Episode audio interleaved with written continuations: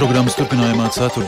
22. decembra ziņu apskats pusdiena Latvijas radio studijā Eigars Rozenbergs. Sveicināti! Vispirms dažos teikumos par svarīgāko. ASV turpinās atbalstīt Ukrainu līdz uzvarai pār Krieviju, taču visu bruņojumu piegādāt nevar, Zelenskim atzīst Baidens. Say, Doma par to, ka mēs nododam Ukrainai kaut ko fundamentāli atšķirīga no tā, kas jau tiek piešķirts, radīs pamatu iespējamam NATO, Eiropas Savienības un visas pārējās pasaules sabrukumam. Valdībai slēgtām durvīm sāk apspriest nākamā gada budžetu. Mums budžets ir palielināts 13 eh, miljardi, eh, vairums jau ir eh, noteikts, kā mēs izdosim. Neraugoties uz aicinājumu Ukrainas bēgļiem ar šāviņiem neatgādināt kara šausmas, vairākas pašvaldības gadumijā rīkos uguņošanas. Vēršos pie šo pašvaldību vadītājiem. Esat cilvēki, saprotiet, ka jūs dariet pāri bērniem. Man liekas, nu, nu vienkārši baisi, briesmīgi, mežonīgi, stulbi, nejauki. Plašāk par šīm un citām vēstījumiem turpmākajās minūtēs.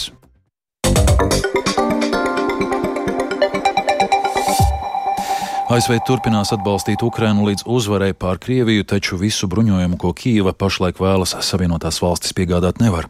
Šādu vēstījumu vakar Vašingtonā Ukrainas prezidentam Volodimiram Zelenskim nodevis ASV prezidents Joe Bidenis. Vienlaiks amerikāņu politiķu vidū valda bažas, vai arī nākamgad Ukrainai atvēlēties finansējums tiks izlietots paredzētajiem mērķiem. Vairāk par Ukrainas līderu vizīti ASV stāsta Uģis Lībietis.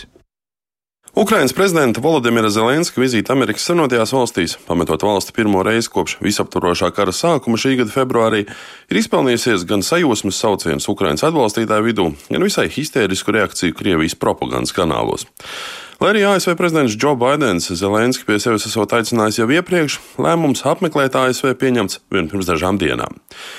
Protams, kā abu prezidentu sarunu laikā vislielākā uzmanība tika pievērsta ASV sniegtajai militārajai palīdzībai. Gan tai, kas jau piegādāta līdz šim, gan tai, kuru paredzēts piegādāt nākotnē. Kā jokojas Baidens, pēc Zelenska vārdiem amerikāņiem ir pilnīgi viss bruņojums, kas viņiem būtu nepieciešams. Taču pilnā nopietnībā Baidens skaidrojas, kāpēc nevar piešķirt tik daudz bruņojuma, cik Ukraina prasa. Jūs sakāt, kāpēc gan mēs vienkārši neiedodam Ukrainai visu, ko varam? Divu iemeslu dēļ. Pirmkārt, ir vesela alianse, kurai ir kritiski palikt kopā ar Ukrainu. Un doma par to, ka mēs nododam Ukrainai kaut ko fundamentāli atšķirīga no tā, kas jau tiek piešķirts, radīs pamatu iespējamam NATO, Eiropas Savienības un visas pārējās pasaules sabrukumam. Mēs piešķiram Ukrainai to, kas tai ir nepieciešams, lai tā spētu sevi aizsargāt un spētu gūt panākumus kara laukā. Es esmu pavadījis simtiem stundu tiekoties ar mūsu Eiropas sabiedrotajiem, lai pārliecinātu viņus, ka arī viņu interesēs ir turpināt atbalstīt Ukrainu.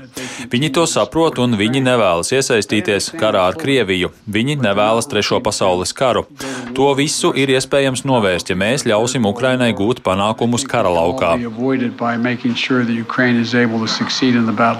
Par gūtajiem panākumiem kara laukā liecina šobrīd publiskotie Ukraiņas bruņoto spēku aprēķini. Nedaudz vairāk kā 300 Ukraiņas kara dienās ir iznīcināti no jau vairāk nekā 100 tūkstoši Krievijas iebrucēju.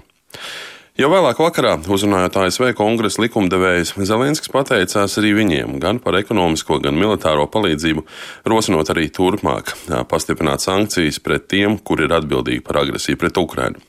Viņš arī uzsvērs, ka Ukraina joprojām ir cīnīties spējīga un griboša, un no tā nevajadzētu baidīties arī citiem. We defeated Russia in the battle for minds of the world.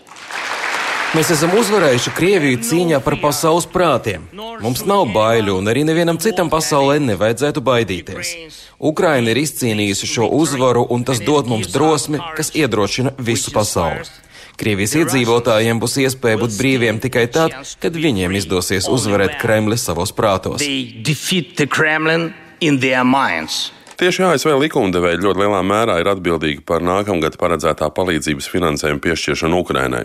Tas plānots gandrīz 45 miljārdus dolāru liels.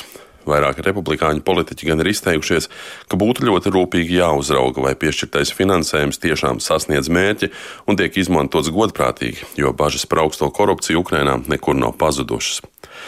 Valdemira Zelenska vizīte nenoliedzami ir izsaukusi asu reakciju arī Krievijā, kur vadošie propagandiski smējas gan par Zelenska apģērbu vizītes laikā, gan uzsver, ka ASV palīdzību Ukrainai līdz beigām nozīmēšot līdz Ukrainas beigām. Savukārt Krievijas vēstnieks ASV Anatolijas Antonovs uzskata, ka Savienoto valstu izteikumi par iespējamo samierināšanos un nevēlēšanos iesaistīties konfrontācijā ar Krieviju ir tikai tukša skaņa, jo milzīgie resursi tiekot iepumpēti maniakālajā idejā par uzvaru pār Krieviem kaujas laukā. Līdz ar to šādas provokatīvās darbības tikai veicinot eskalāciju, kuras sekas nav iespējams prognozēt. Uģis Lībijams, Latvijas Radio. Afganistānas jauniešu izmisumu un starptautiskās sabiedrības nosodījumu izsaucis Afganistānā valdošā radikālā grupējuma Talibana lēmums aizliegt sievietēm mācīties universitātēs. Nedaudz vairāk kā pirms gada talibi atgriezās pie varas Afganistānā pēc ASV spēku izvešanas no valsts. Grupējums solīja neierobežot cilvēktiesības un neieviest tik stingrus likumus kā iepriekš, taču īpaši sieviešu tiesību jautājumos solījums nav turēts. Vairāk stāsta Vendija Maslobojeva. Pēc Talibana atgriešanās pie varas 2021. gada augustā meitenēm aizliedz apmeklēt vidusskolas, bet šonadēļ islāmistu grupējums izsludināja aizliegumu sievietēm mācīties augstskolās. Talibi savu lēmumu pamatoja ar nepieciešamību aizsargāt nacionālās intereses un sieviešu godu. Aizliegums ir izsaucis sašutumu sabiedrībā, un galvaspilsētā Kabulā jau ir notikuši sieviešu protesti.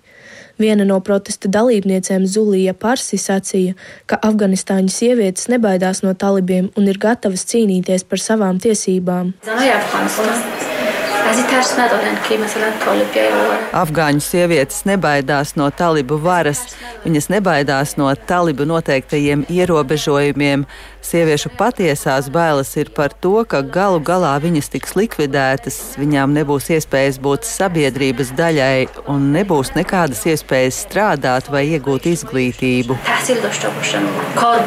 Pēc talibu valdības krišanas 2001. gadā sieviešu tiesības Afganistānā ievērojami uzlabojās, tāpēc grupējuma atgriešanās pie varas daudzos radīja bažas. Sākotnēji grupējums solīja ļaut sievietēm piedalīties sabiedrības dzīvē, bet ar piebildi, ka tam ir jānotiek stingri ievērojot islāma likumus. Tomēr šie solījumi izrādījās tukši vārdi, jo talibi arvien vairāk ierobežo sieviešu tiesības un brīvības. Afgāņu sievietēm ir aizliegts strādāt atsevišķās profesijās, viņas nedrīkst apmeklēt parkus un sporta zāles, garākos pārbraucienos no vienas pilsētas uz citu sievietes var doties tikai sev tuva vīriešu pavadībā. Pētnieciskā žurnāliste Ramita Navai norāda, ka sievietes ir zaudējušas gan visu iepriekš sasniegto, gan cerības uz normālu dzīvi nākotnē. So years, say, Pēdējos 20 gadus sievietes ir bijušas ļoti aktīvas Afganistānā. Sievietēm ir bijis darbs gan valdībā, gan dažādās citās nozarēs visā valstī. Viņas ir izglītojušās, taču šobrīd tas viss viņām tiek atņemts, un viņas jūtas kā cietumnieces savās mājās. Pēdējos mēnešos notiek iejaukšanās sieviešu tiesībās un brīvībā, liedzot iespējas sievietēm vienām iziet no mājas. Startautiskā sabiedrība ir nosodījusi talibu lēmumu aizliegt sievietēm iegūt izglītību. Kopš Talibana atgriešanās pie varas Afganistānu ir pārņēmusi humanitārā krīze, un vairāk nekā puse no 39 miljoniem iedzīvotāju cieš badu. Nākamajā gadā humānā palīdzība būs nepieciešama vairāk nekā divām trešdaļām valsts iedzīvotāju. Valsts finansiālais stāvoklis ir ļoti smags, jo ārvalstis ir iesaldējušas Afganistānas centrālās bankas aktīvus gandrīz 10 miljardu ASV dolāru vērtībā. Vendija Maslobojeva speciāli Latvijas radio.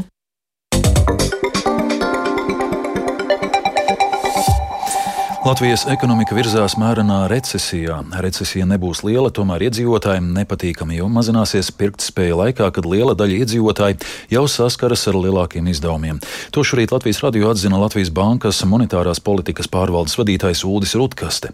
Viņš prognozēja, ka situācija varētu uzlaboties nākamvasar, bet nav izslēgts, ka arī nākamā apkures sezona būs līdzīga šai. Tādā gadījumā valdībai nākšoties domāt, kā palīdzēt iedzīvotājiem. Rutkaste norādīja, ka augošās cenas ietekmē arī valsts izdevumus izdevumus, un nākamā gada valsts budžeta izaicinājumi būšot lieli.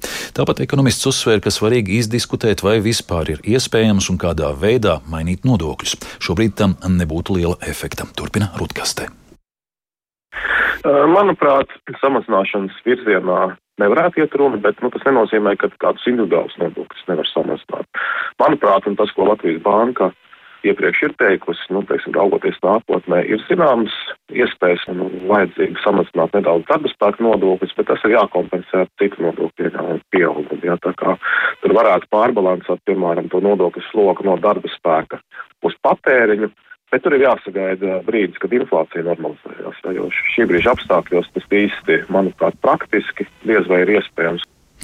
Valdības slēgtā ārkārtas sēdēs šodien iepazīstas ar aktualizētām makroekonomisko rādītāju ieņēmumu un budžeta bilances prognozēm turpmākajiem trim gadiem. Budžeta izstrādes process sāksies janvārī. Valsts prezidents Egils Levits norādījis, ka lielāka vērība jāvelta iekšlietu dienestu situācijas uzlabošanai. Vairāk Jāņa Kīņša sagatavotajā ierakstā. Atbilstoši Finanšu ministrijas sniegtajai informācijai, ministri šodien gūs skaidrību par budžeta situāciju raksturojošajiem rādītājiem un iespējām nākamā gada budžetā pārdalīt līdzekļus dažādiem prioritāriem pasākumiem. Šādu iespēju gan būs salīdzinoši maz, jo ekonomikas izaugsme nākamajā gadā nav sagaidāma. To šodien norādīja premjerministrs Krišjāns Kariņš no jaunās vienotības.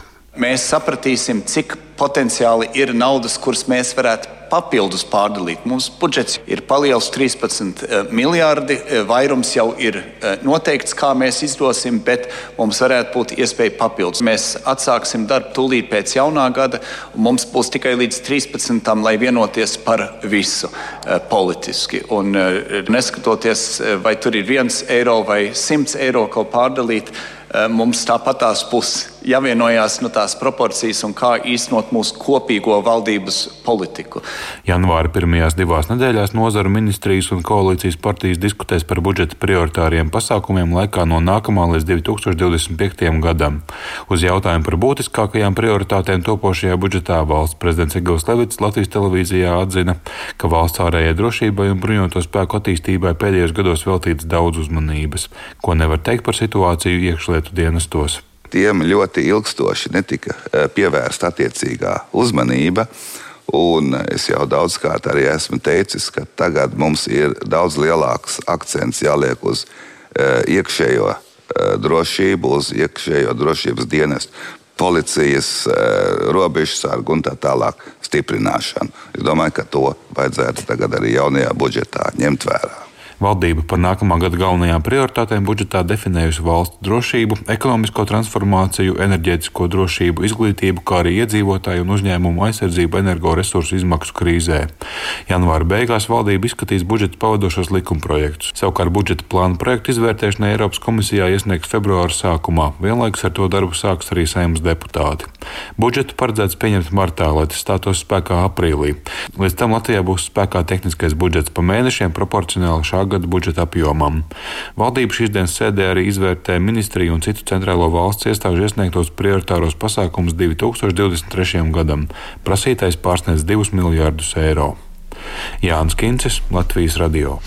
Pat labam par nākamā gada budžetu lemj arī Liepājas doma. Ņemot vērā, ka vēl nav pieņemts valsts budžets, pašvaldībā tas pašlaik būs tā sauktais tehniskais jeb uzturēšanas budžets ar 128 miljonu eiro izdevumiem.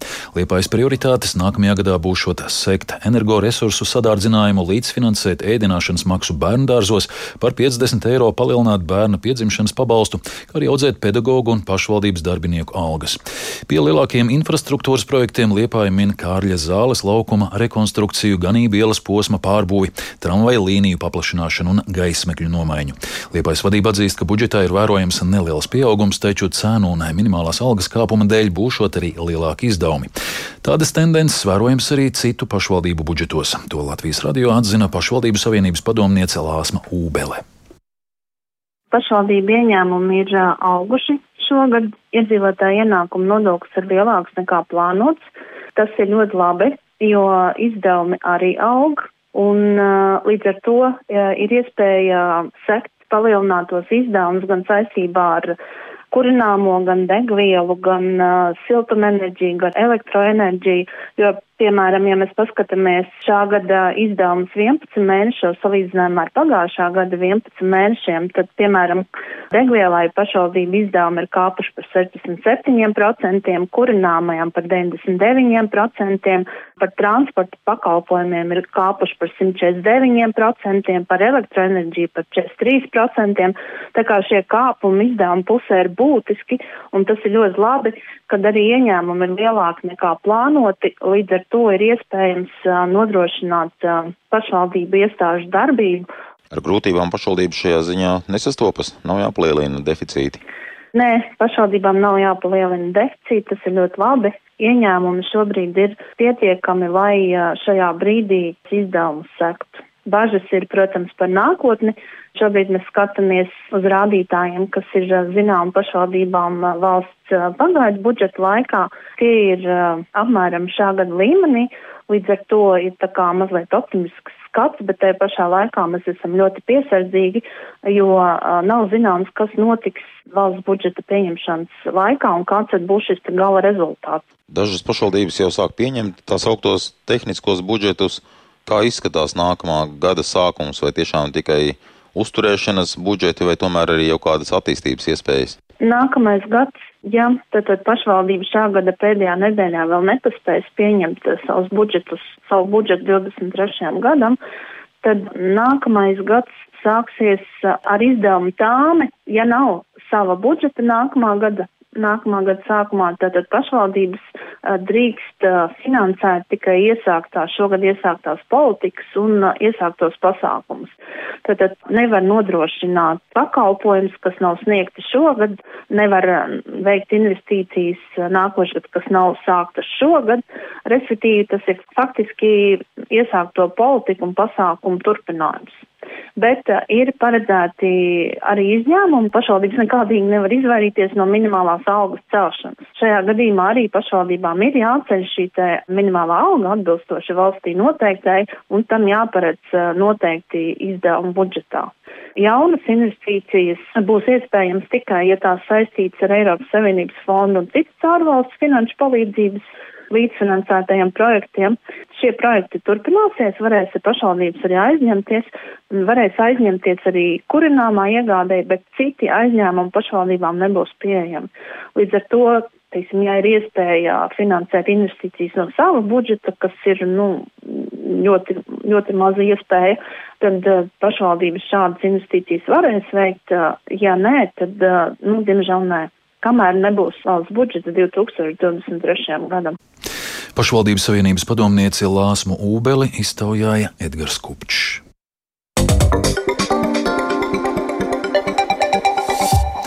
Vairākas pašvaldības šogad atteikušās no uguņošanas gadumijā, jo apzinās, ka tas var satraukt no kara atbēgušos ukraiņus. Bet ir vietvaras, kas nolēmušas, ka uguņošana svētkos ir nepieciešama. Esot aptaujāt iedzīvotāji un secināts, ka arī ukraiņi neiebilst pret svētku uguņošanu. Tomēr pretēju viedokli pauž cilvēki, kas pie sevis uzņēmuši kara bēgļus, mudinot iedzīvotājus ignorēt uguņošanu. Vairāk Lindas spundiņas ierakstā. Jau vairāk kārt diskutēts par to, vai nepieciešams salūts gadumijā. Sabiedrības pretargumentu uguņošanai ir vidas piesārņojums, maidzīvnieku traumatisms un ugunsdrošības risks. Šogad īpaši aktuāls šis jautājums ir saistībā ar Ukrainas kara bēgļiem, kas apmetušies Latvijā. Vairākas pašvaldības nolēmušas nerīkot pirotehnikas priekšnesumus par nodokļu maksātāju naudu, tādējādi neradot papildu pārdzīvojumus no kara bēgušajiem. Tomēr šāda nostāja nav visās vietverās. Piemēram, Ventspēlī gadumijas svinību kulminācija būs uguņošana, stāsta pašvaldības komunālās pārvaldes direktora vietnieks Edgars Puriņš. Uguņošana tā vienmēr ir bijusi pilsētas iedzīvotāji iecienīta un, un, un ļoti gaidīts pasākums, jā, un tādēļ pašvaldība, respektējot pilsētas iedzīvotāju vēlmes, jā, šo uguņošanu arī rīko. Bet, uh, lai nu, būtu tā, ka uh, tas būtu arī saskaņā ar eh, esošiem normatīviem aktiem un, un, un, un šobrīd arī situācija visā valstī, jā, saistībā ar patvērumu meklētājiem no Ukrainas, jā, tad ir aptaujāt Ukrainas biedrība, jā, un faktiski šīs aptaujas rezultātā, jā, 82% aptaujot Ukraiņi ir piekrituši. Viņi uzskata, ka šī jaunā gada svētku uguņošana tieši otrādi piešķir svētku sajūtu, un viņi to ļoti labi saprot un atbalsta. Arī Siguldā būs salūts. Tas nolemts pēc iedzīvotāju aptaujas, nosakot, ka uguņošana pieļaujama tikai gadu mijā. Savukārt, domājot par Ukrāņiem, Siguldas novada domas priekšsēdētāja Līga Sausiņa, kas ievēlēta no Nacionālās apvienības, Reģionālās apvienības un Zaļās partijas, teica tā. Neformālās sarunās esam ar viņiem to pārunājuši, un viņi neuzskata to par problēmu. Es gribētu paskatīties uz to no otras puses. Tieši tāpat kā Ukrāņu bērni, mums Siguldas novadā ir 68 bērni, kas ir skolās un bērnu dārzos, kopā ar mūsu bērniem svin Ziemassvētkus, notiek Ziemassvētku pasākumi. Mēs aicinām viņus arī tāpat kā citos svētkos uh, būt ar mums kopā un svinēt svētkus ar mums kopā. Sabiedrisko mēdīju labdarības maratons dod pieci šogad veltīts Latvijā nonākušo ukrāņu bēgļu bērnu atbalstam. Maratona laikā stikla studijas viesi vairāk kārt akcentējuši, ka salūts nenāk par labu no kara atbēgušajiem. 4. māja deklarācijas kluba prezidente Velta Čebata Rēnuka, kura pie sevis uzņēmusi ukrāņus, aicināja iedzīvotājus ignorēt uguņošanu. Es vēršos pie šo pašvaldību vadītājiem esat cilvēki, saprotiet, ka jūs dariet pāri bērniem pirmām kārtām, viņu vecākiem un vecākiem. Jo katram ukrāņu bērniņam un katram no Ukraiņas kara bēgošam cilvēkam katrs mazākais sitiens, pat kā teica, teātris režisors. Inters Rešetins. Jā, Inters Rešetins un teica, saplīs krūzīt, bērniem iestājās panika. Mēs to redzējām arī savā mājās, jo pie mums tiešām ir bieži ukrāņu bērniņi. Man liekas, nu, nu vienkārši baisi, briesmīgi, mežonīgi, stulbi, nejauki. Un es aicinātu to pašvaldību iedzīvotājus, kuriem tas notiks, šī salūts. Nu, ignorējiet, neiet. Zināms, ka uguņošana jaungadā būs Rēzeknē, aizkroklē par privātpersonas līdzekļiem un vēl citās pašvaldībās. Linda Spundeņa, Latvijas radio. Šogad krities pieprasījums pēc Ziemassvētku eglēm. Latvijas radio aptaujātajās kokaudzētavās pieprasījums krities par 10 līdz 15 procentiem. Šogad eh, pieaugušas egļu audzēšanas izmaksas un arī cenas svētku kokiem, kokiem ir nedaudz pakāpušās. Tāpat egļu audzētāji novērojuši, ka apmeklētāji taupīgāk tērē ģimenes budžetu un izvēloties eglis šogad vairāk pērk lētāko, nevis kuplāko. Plašāk Sintīs Ambotes ierakstā. Stāda audzētavas blīdene Mārupes stādu centra vadītāja Agnese Kristapsone stāsta, ka pieprasījums pēc Ziemassvētku eglēm krities par 10 līdz 15 procentiem. Turklāt šogad cilvēki vairāk izvēlas meža egles, kas ir lētākas par balteglēm, kuras savukārt bija pieprasītākas iepriekšējos gados. Meža eglis mums ir tajā pašā līmenī, kādas mums ir bijušas arī iepriekšējos gados. Balteglis, jā, arī ir vidēji pa 5 līdz 10 procenti arī dārgākas palikušas. Tas ir saistīts gan ar cenu kāpumu Eiropā, jo tā ir tomēr importa prece un, protams, arī transporta loģistikas izmaksas. Bet uh, cilvēki joprojām izvēlās Baltikus ļoti lielos daudzumos tā iemesla dēļ, ka viņš stāv ilgi, nebijuši. Inflācija sadārdzinājusi saimniekošanas izmaksas arī egļu audzētājiem. Tie paši traktori ir vajadzīga degviela, kas brauc roktās eglis, un arī darba spēki viss sadārdzinās, bet mēs ļoti šogad piedomājām pie tā, lai saglabātu cenas pieejamā līmenī. Stādu centrā sastaptais apmeklētājs Staņislavs ik gadu rūpīgi šeit izvēlas egli kopā ar meitu, kuru viņš sauc par Ziemassvētku koku speciālistu. Viņš arī apstiprina, ka ģimene šobrīd vairāk pārdomā katrus izdevumus, taču no eglis pirkuma pagaidām neatsakās. Ja tev ir sīkie bērni, tad vienkārši jāatrod tas iespējas un rezerves un jānodrošina. Jā. Protams, tad egla var būt bišķiņ mazāka nekā pārējos gados, bet jābūt vienalga. Savukārt kokaudzētavā dzērves audzē un tirgo egles tikai podos. Kopumā vairāku gadu garumā pieprasījums pēc eglēm, kuras pēcāk var iestādīt arī ārā, ir pieaudzis. Saimniecības vadītāji Māris un Maruta Kamīnski stāsta vairāk par pieprasījumu šogad. Es paskatījos statistiku ar pagājušo gadu, nu mazliet kaut kāda 10% kritums varētu būt. Tā tirzniecības cena mazajām eglēm, kas ir līdz 80 cm augumā, cena ir pieaugusi pa 15%, un tādas, kas ir 1,25 m, cena ir pieaugusi par 18%. Dzērvju saimnieki vēl secina, ka iepriekšī gadu Ziemassvētku egļu pasūtījumus nācās arī atteikt, jo nespēja izaudzēt tik daudz, cik pieprasa. Bet šogad iespējams būs arī pārpalikums. Sinti Ambote, Latvijas radio. Un vēl labdarības maratonā dot pieci, kas šogad aicina palīdzēt Ukrainas bēgļu bērniem Latvijā. Līdz šodienas pusdienlaikam saziedot jau vairāk nekā 462 tūkstoši eiro. Dzirdējāt 22. decembra ziņu apskatu pusdiena. Programmas producents Edgars Kupčs par skanējumu rūpējās Katrīna Bramberga un Kaspars Groskops. Studijā Negars Rozenbergs vēlreiz par svarīgāko. ASV turpinās atbalstīt Ukrainu līdz uzvarai pār Krieviju. Valdībai slēgtām durvīm sāk apspriest nākamā gada budžetu. Yeah.